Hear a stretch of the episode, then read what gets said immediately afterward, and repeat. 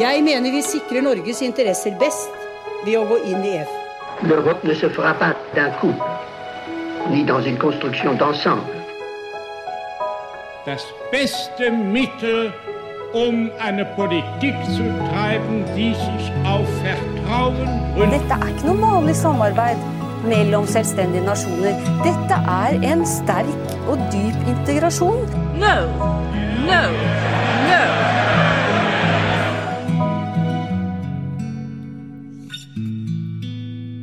Velkommen til Det europeiske kvarter, en podkast om europeisk politikk og historie av Lise Rye og meg, Kristine Graneng, ved programmet for europastudier på NTNU. Storbritannia sitt forhold til EU det er jo et tema som har stått høyt på dagsordenen lenge nå, og særlig siden folkeavstemninga i 2016, da britene stemte for å gå ut av EU. Og med forsyningskrisa og stadige forsøk på å finne frem til løsninger med EU etter at de formelt gikk ut av unionen i 2020, så ser det jo ikke ut til at det forsvinner eh, fra dagsordenen heller, med det første. Men hvordan var det de havna i den situasjonen? Og hvordan kan britisk europapolitikk ses i sammenheng med det norske? Vi har fått besøk av Geir Kjetil Almli, som er førsteamanuensis på Nord universitet. Velkommen til oss, Geir. Tusen takk for det. Du har jo nylig skrevet ei bok som heter For Britain and Norway in Europe since 1945, Outsiders, som er undertittelen. Og hva er det som gjør det naturlig å knytte historien om Storbritannia og Norge i Europa sammen i ei bok? Hva er det som kjennetegner de to landene i møte med Europa? Ja, Du nevnte jo det at uh, undertittelen på boka er 'Outsiders'. Uh, og Det er kanskje det som er det åpenbare svaret på spørsmålet ditt. Fordi jeg påstår jo at uh, de har vært outsidere, for å bruke det norske uttrykket, som gjennom hele den perioden her fra altså 1945 til 2020, uavhengig av om Storbritannia i ganske mange av de årene har vært, var medlem av EU. Og de har vært outsidere både De er geografiske outsidere. De er ikke en del av det europeiske kontinentet. De er kulturelle outsidere. De føler ikke seg så europeisk som mange på det europeiske kontinentet gjør. Og de er også outsidere med tanke på at de har mye sterkere forbindelser med Atlanterhavet og USA, både historisk og um, også i dag, egentlig. Mm, så det er ganske mange ting som gjør at, at man havner på utsida. Ja, altså det er både en uh, rasjonell, rasjonelle argument som gjør at de er, er, er ikke har klart å forbunde seg helt til det europeiske integrasjonsprosjektet. Samtidig som at det er knytta til følelser, kanskje, og følelser av å være annerledes enn, enn de kontinentale statene i Europa. Mm. Det skal vi komme mer inn på etter hvert. Ja, det skal vi. Et av de spørsmålene som motiverte deg, Geir, det var spørsmålet om hvorfor den europeiske integrasjonen har vært så mye vanskeligere for Norge og Storbritannia enn for andre land. Det er et godt spørsmål, og et spørsmål som fremdeles er høyaktuelt 70 år etter at den europeiske integrasjonen starta. Men kan ikke du si litt om hva du fant ut? Altså, er vi mindre europeisk enn andre? Hvorfor er vi i så fall det? Du var jo litt inn på det i stad, med de her årsakene til utenforskap. Gjør det her i sum at vi er mindre europeisk enn andre land eh, som vi finner innafor EU? Ja, det er veldig Det er et godt spørsmål, annet fordi jeg stilte stilt det sjøl, tenkte jeg å si. Men uh, uh, for, først så må vi da bli Vi må definere hva betyr det å være europeisk. Det kan være veldig mye forskjellige forståelser av det. Um, I den sammenhengen her så kanskje er det naturlig å definere europeisk som det å ha trua på um, EU-prosjektet, egentlig. da, Det som starta i begynnelsen av 1950-tallet. Uh, og og har gått helt fram til i dag. Altså det, det politiske EU-prosjektet? Ja, ja, det kan du si, da. Men du kan også se på det å være europeisk som det kontinentale, altså det som tradisjonelt er altså det kontinentale Europa. Og når det gjelder siste, så er det åpenbart at de er, at de er annerledes, de er mindre europeiske. De har tradisjonelt, hvis vi ser mange hundre år tilbake, handla mindre med det europeiske kontinentet enn de har gjort med andre deler av verden.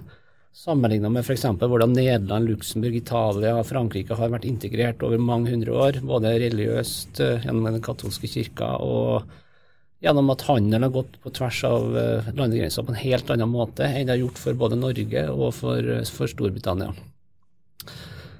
Når det gjelder første delen av det som er det, det politiske prosjektet, trua på det at, at man skal integrere seg tettere politisk, økonomisk osv., så, videre, eh, så så er det også forskjeller der på de to landene som jeg har sett på, og sammenligna med flertallet i, i Europa, på europeiske kontinentet. Da, for det er jo sånn at det er store variasjoner internt i alle land. Men da er det jo særlig den forbindelsen til USA, vil jeg si, som, eh, som har vært mye tettere for særlig Storbritannia, men også Norge, da, sammenligna med landene på kontinentet. Og så er det også en god del andre årsaker vi kan peke på som gjør dem kanskje mindre europeisk, da, som, litt etter hvordan vi definerer det, som sagt. Så det er både faktorer som ligger utenfor landene sjøl, og, og, faktorer innenfor landene, kan man jo si. Det kan du si. Og en, av, en faktor som, som, er verdt å nevne i tillegg, da, er jo det med eh, ønsket om å bevare suverenitet, da, som er, står veldig sterkt i de landene her. Um, og en frykt for å oppgi suvereniteten. Da. For at det EU-prosjektet innebærer jo det. det. det. er jo sånn, og Da er det en rasjonell vurdering. altså Hvis vi går med på overnasjonale løsninger, så har vi mer igjen for det. Det er jo det som egentlig ligger i bunnen. Det er jo ingen som ønsker det i utgangspunktet, kanskje. Men uh, den trua på det at en får mer igjen enn en gir, gir fra seg, den har vært litt uh, mindre da, i Storbritannia og Norge av litt ulike årsaker, eh, sammenligna med eh, flertallet kanskje har stått for på kontinentet.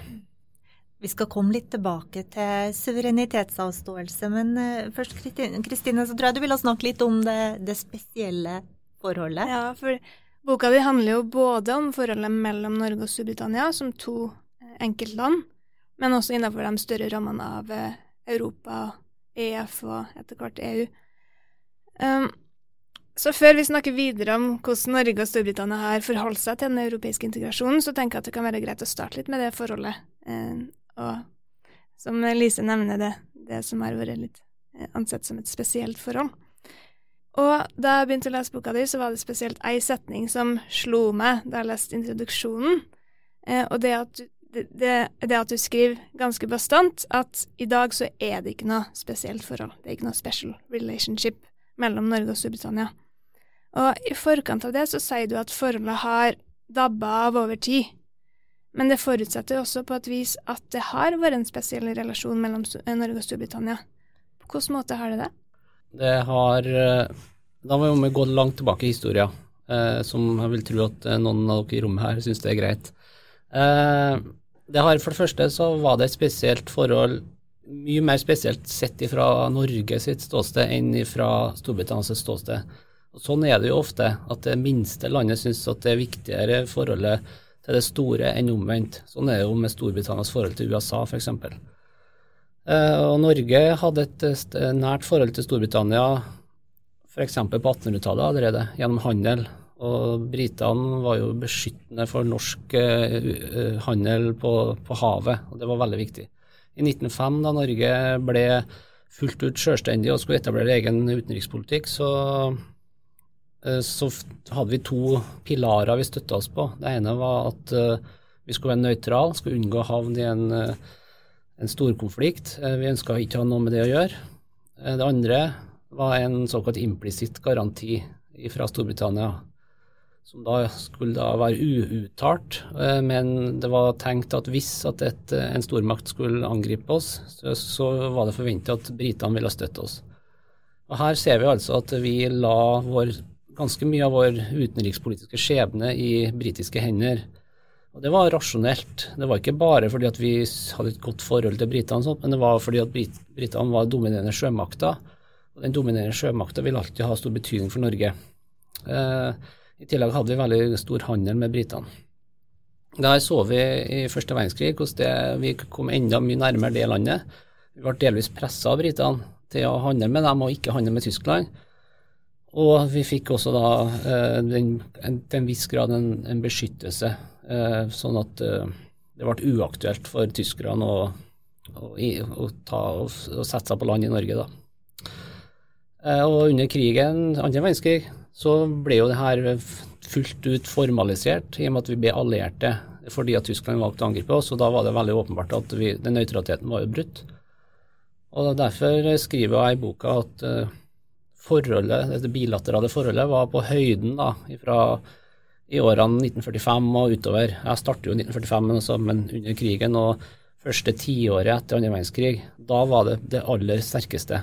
Og veldig sterkt uh, forhold mellom de arbeiderpartiene som satt ved makta første seks årene etter 45 i begge land. Norge fortsatte jo Arbeiderpartiet med, med makta, men akkurat da var det ekstra, ekstra sterkt. Og så viser jeg videre det at uh, når vi kommer ut på 60-tallet Det er jo aldri sånn at det er akkurat en spesiell dato, så blir det store endringer når vi snakker om sånne ting. Men sånn mer eller mindre fra 60-tallet utover så det, er det nedadgående kurve, for å si det sånn, da, på det bilaterale forholdet. Det er ennå veldig godt, og det er aldri prega av sterke konflikter, men det er mye mindre spesielt.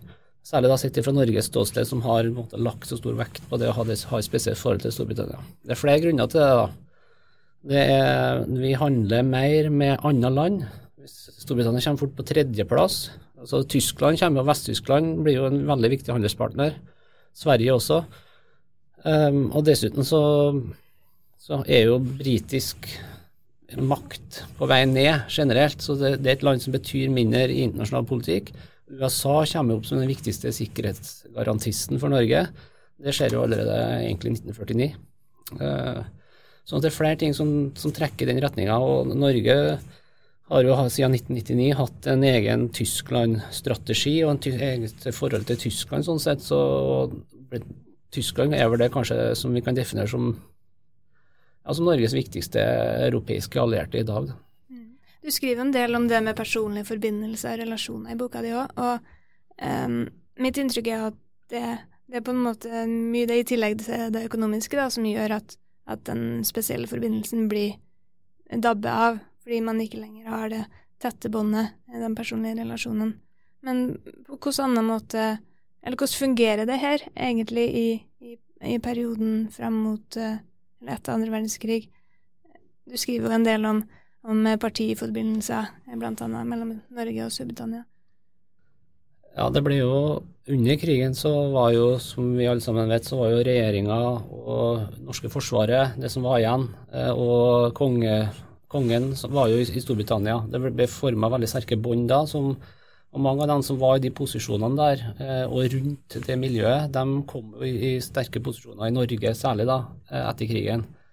Jens Christian Hauge og sånne ting.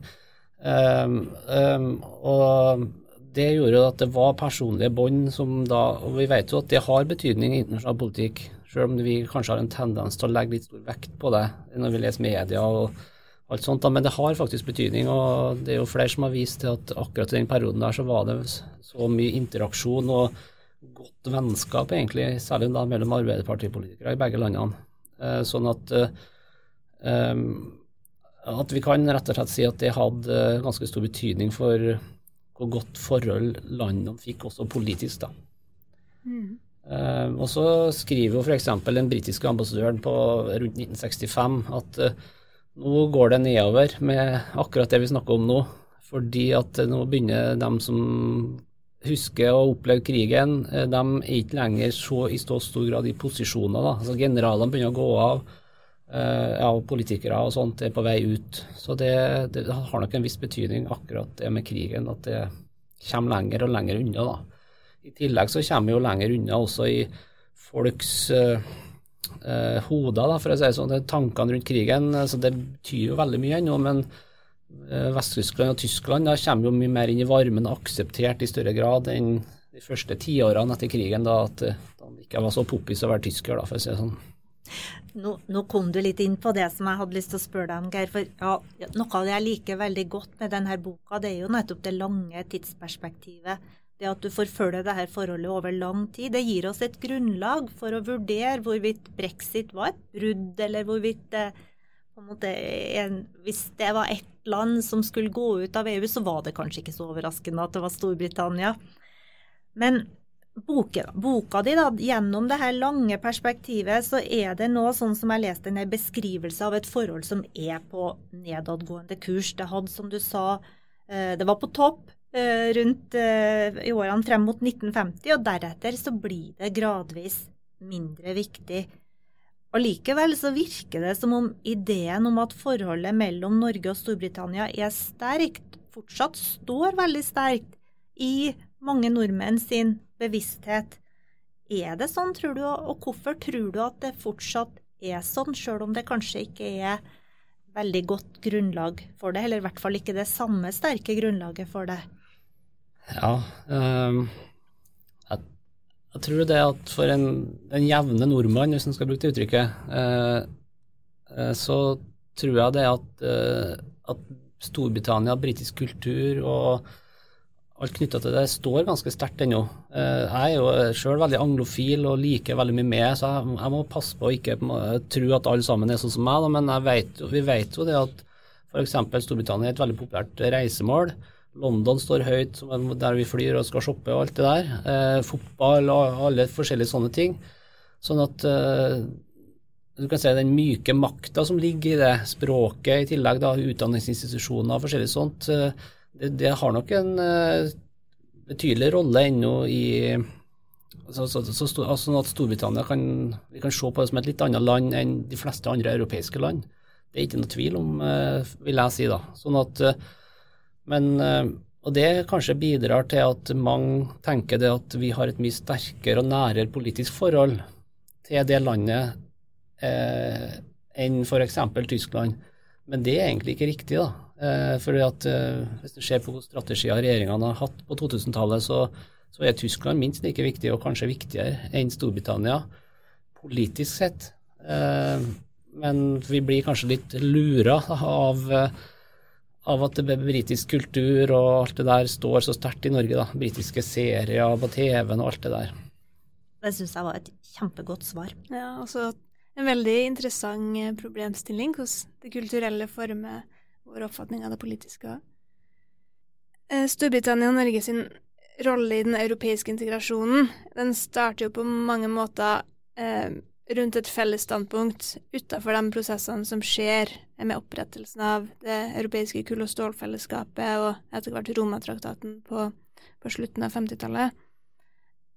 I denne perioden, i hvilken grad er det snakk om en felles politisk linje? Er det de samme avveiningene som blir gjort i de to landene? Uh, til en viss grad så er det felles. Det er felles uh, Vi kan også da dra linjene noen år tilbake før det òg. Det er diskusjon rundt hvordan skal Marshall-hjelpa, uh, som USAs hjelp til økonomisk oppbygging av Europa, hvordan skal det organiseres? Da er det krefter, og også USA sjøl ønsker det at det skal være en organisasjon da, med litt mer overnasjonal karakter for å få det til å fungere veldig mer effektivt. Sammen med Europarådet som blir oppretta. En del der er det diskusjoner skal det være liksom en føderal tilnærming eller en mer sånn mellomstatlig tilnærming, for å kalle det det. Eh, Storbritannia og Norge på de 40-tallet som de har nevnt nå, pluss det som du Kristine nevner, er veldig tilbakeholden når det gjelder det å hive seg ordentlig uti, for å si det på en litt uh, enkel måte. Men altså, de vil ha mellomstatlige løsninger, holde igjen sin egen suverenitet og ikke ser for seg at de ønsker å bli diktert av den nye den organisasjonen på et eller annet vis. da. Eh, sånn sett så er det jo helt klare likheter. Eh, når det gjelder akkurat den utviklinga fra altså kull og stål og Romatraktaten og sånn, så er det jo ingen tvil om at Norge har en mer tilbakeholden holdning eh, enn Storbritannia. Fordi Storbritannia er et land Det er jo en stormakt i Europa sammen med Tyskland og Frankrike på den tida. Og det, alle sammen ser til Storbritannia. Hva vil Storbritannia? Hvordan vil dere forholde dere til det her? Vil dere være med i Messina-forhandlingene og, og, gå videre da og opprette Romatraktaten, eventuelt uh, hive dere på det og sånt? Mens Norge trenger ikke å forholde seg til det i så stor grad. For Norge er en, en lite land som ikke har betydning. Derfor er Norge på en måte dobbelt reaktiv. Jeg bruker ikke uttrykket, men jeg kom på litt nå. fordi at de reagerer først på, på hvordan de seks landene holder på å omorganisere Europa og sånn, og er, er, er tilbakeholden, men passiv. Men så venter de da på hvordan er det Storbritannia, vår viktigste allierte, skal forholde seg til dette. Og vi, når Storbritannia er kjølig og lunken, for å si det mildt, da, på 50-tallet, og velger da å holde seg utafor, så er det veldig enkelt for Norge. Det blir ikke noe stor debatt. Vi trenger ikke, Det er ingen som forventer at Norge hiver seg på gæren her, fordi Storbritannia er ikke med. Og dette snur jo totalt da når britene da i 1961 bestemmer seg for å søke om å bli med i la oss kalle det EF. Da Da kommer opp kommer en stor debatt i Norge. For nå blir Norge også satt til veggs. Hva Eh, hva skal vi gjøre nå, når Storbritannia blir med? Og da blir det vanskeligere. Ja. Mm. Så skal, de skal jo gjennom noen runder med medlemskapssøknader før de kommer til forhandlinger. Det er jo den franske presidenten Charles de Gaulle som, som, sier nei til britisk medlemskap um, gjennom 60-tallet. Men når de kommer til de medlemskapsforhandlingene, uh, hva er det som preger måten de driver forhandlinger på? Er det noen forskjeller der? Da tenker du da de begynte å forhandle på ordentlig i 1970 til 72, eh, så er det helt klart en del forskjeller, hvis det var det du spurte om, som mm. det var. Eh, så, og det eh, er En hovedforskjell er at regjeringa i Storbritannia, altså den konservative regjeringa med Edward Heath som statsminister, er grunnleggende mye mer pro-europeisk og har veldig trua på at sitt land skal bli med inn i det her eh, EF og det prosjektet her. Han er jo kanskje litt enestående Heath i den sammenhengen. Skiller seg ganske mye ut. Selv om det er også andre pro-europeiske som kom etterpå, statsministre. Men i Norge så er det mye vanskeligere politisk sett. Den regjeringa som begynner å forhandle, er jo Borten-regjeringa, som består av ihuga motstandere, egentlig, viser jo seg med en gang de er ferdig med å være i regjering. Og, og Borten han uh, går jo med på å søke om det der og begynne å forhandle bare fordi de holder regjeringa sammen. For det, altså vil jo Høyre da tre ut av regjeringa med en gang. Og så han ja, veldig motvillig inn, ja. Så det er en kjempestor forskjell. Og så er det i tillegg da en annen veldig stor forskjell som jeg skriver om i boka, at uh, i Norge er det bestemt at uh, det skal avgjøres uh, spørsmålet her med av en, i en folkeavstemning. da.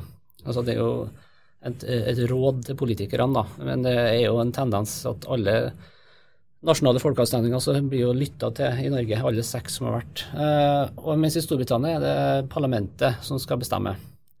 Og Heath eh, og hans regjering er ganske sikre i løpet av forhandlingene at de vil få flertall i parlamentet. Fordi at uh, flesteparten i hans eget parti og også en del av Labour vil, vil stemme for medlemskap.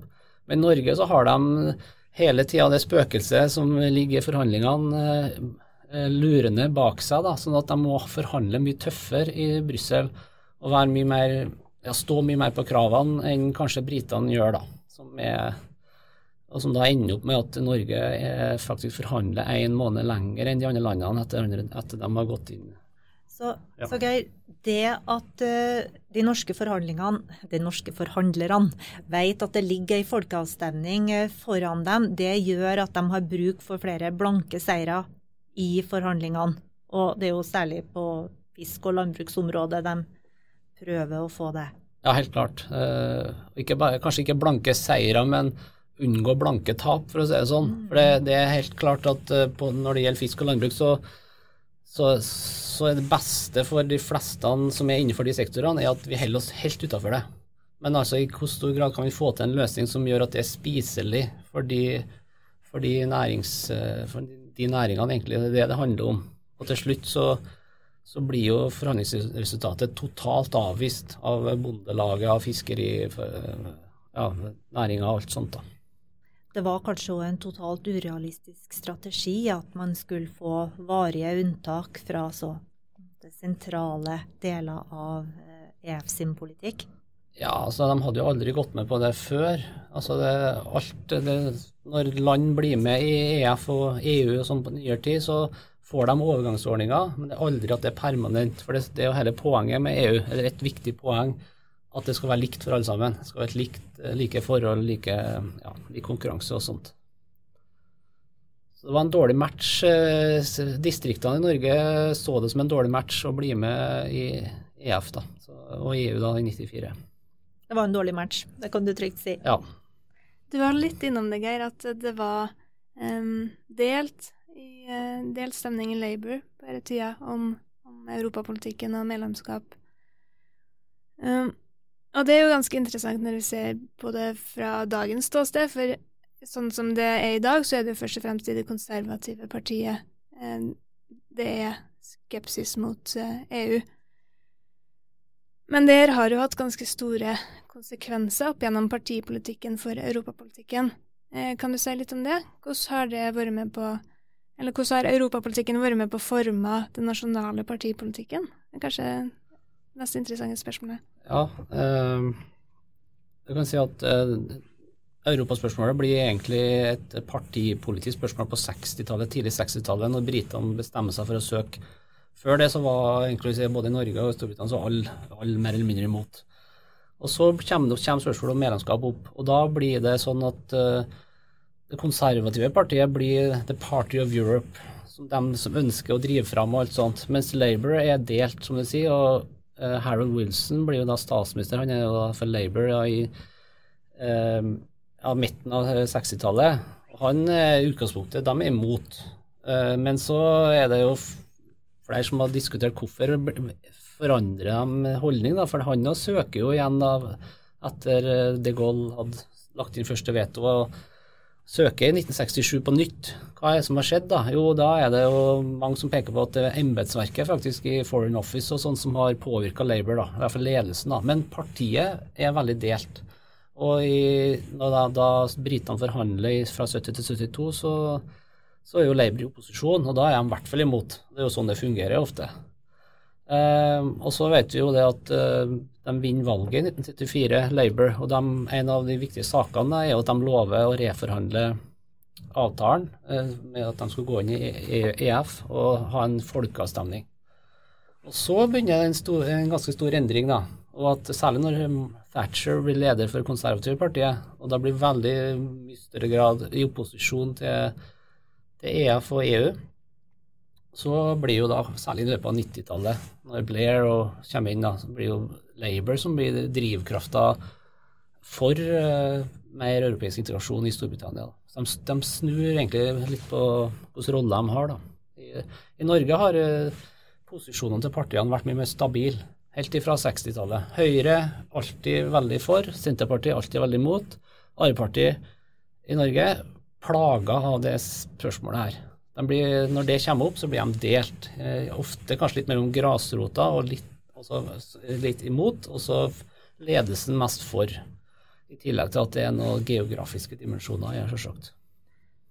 Geir, kan vi snakke litt mer om suverenitetsavståelse?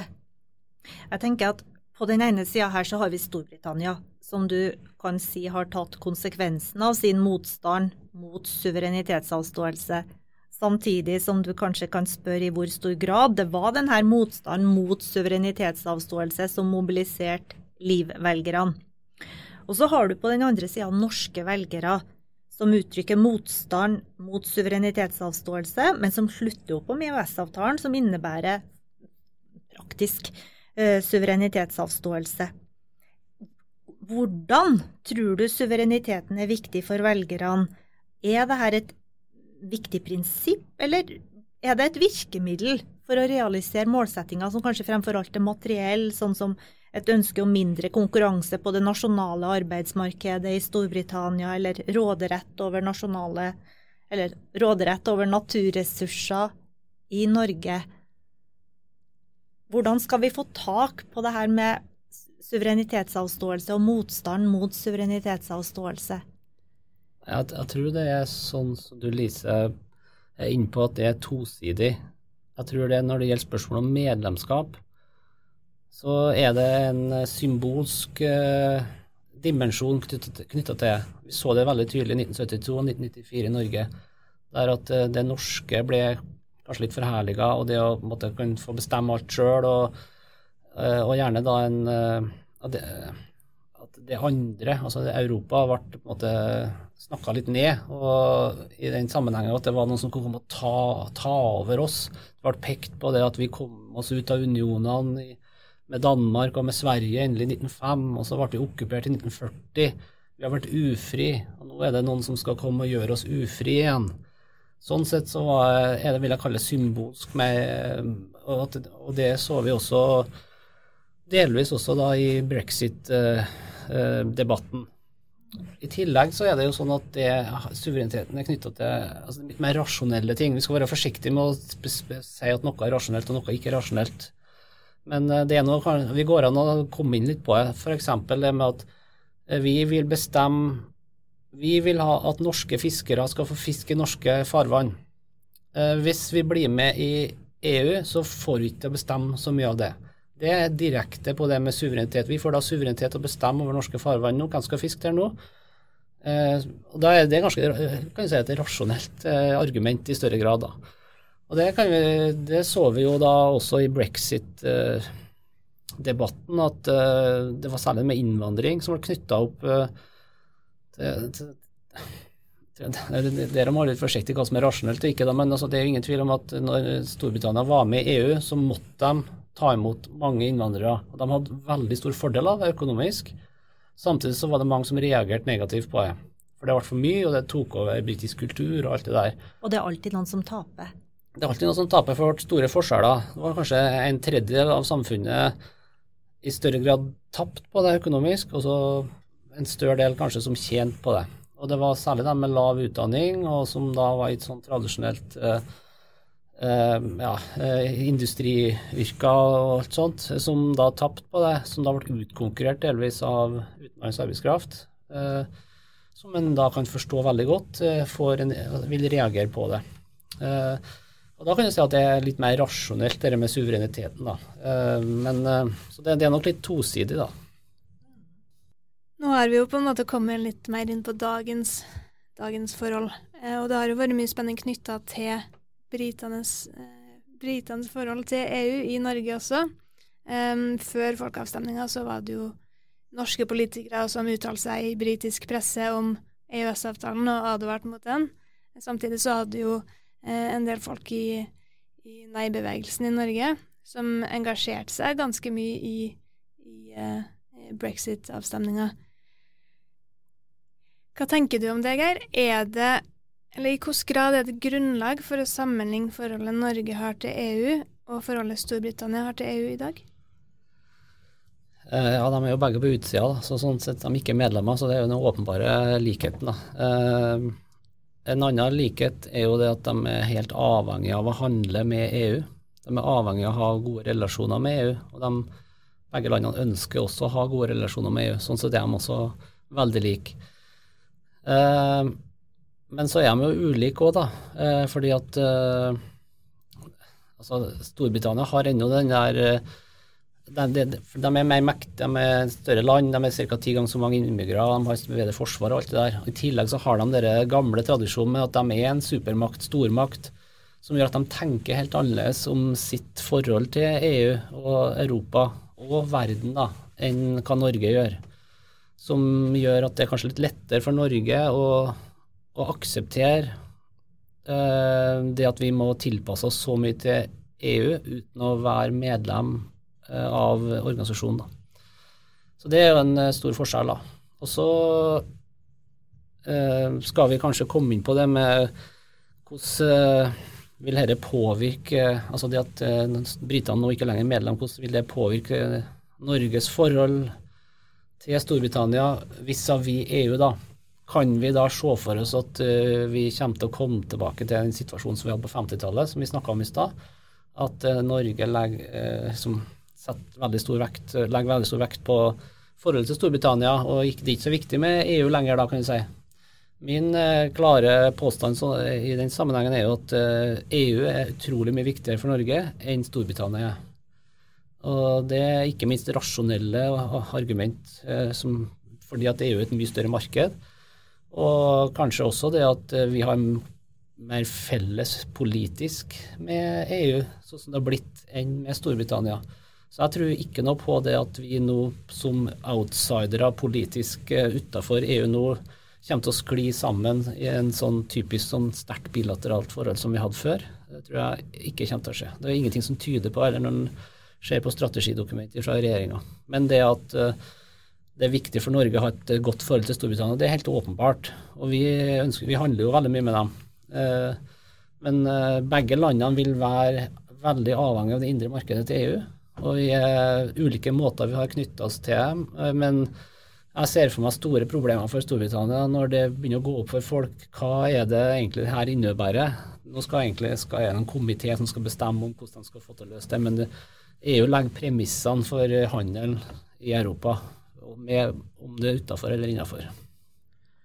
Ja, vi har jo sett litt mer av det i norske nyheter og i det siste om hvor mange lastebilsjåfører de mangler i Storbritannia. og Vi ser de her hyllene fra butikkene som på, har gått om for varer. Ja, Det var egentlig det som jeg hadde tenkt å spørre deg om til slutt, Geir. Om hvilke muligheter du ser for deg for det norsk-britiske forholdet. Og nå har du vel egentlig sagt at du ser ikke det, det, blir aldri sånn som, sånn som, det var den gangen like etter krigen. EU er mye mer eh, viktig for Norge i stort enn det Storbritannia er. Eh, men da kan jeg jo i stedet gratulere deg med det som jeg syns har blitt et veldig fint stykke arbeid. Det er en veldig solid bok du har skrevet. Den er veldokumentert, den er systematisk, og den forfølger altså det her forholdet mellom Norge og Storbritannia over tid. Eh, og Kristin og jeg vi anbefaler den varmt til alle som er opptatt av både europapolitikk og mulighetene fremover for både Norge og Storbritannia. Tusen takk for det.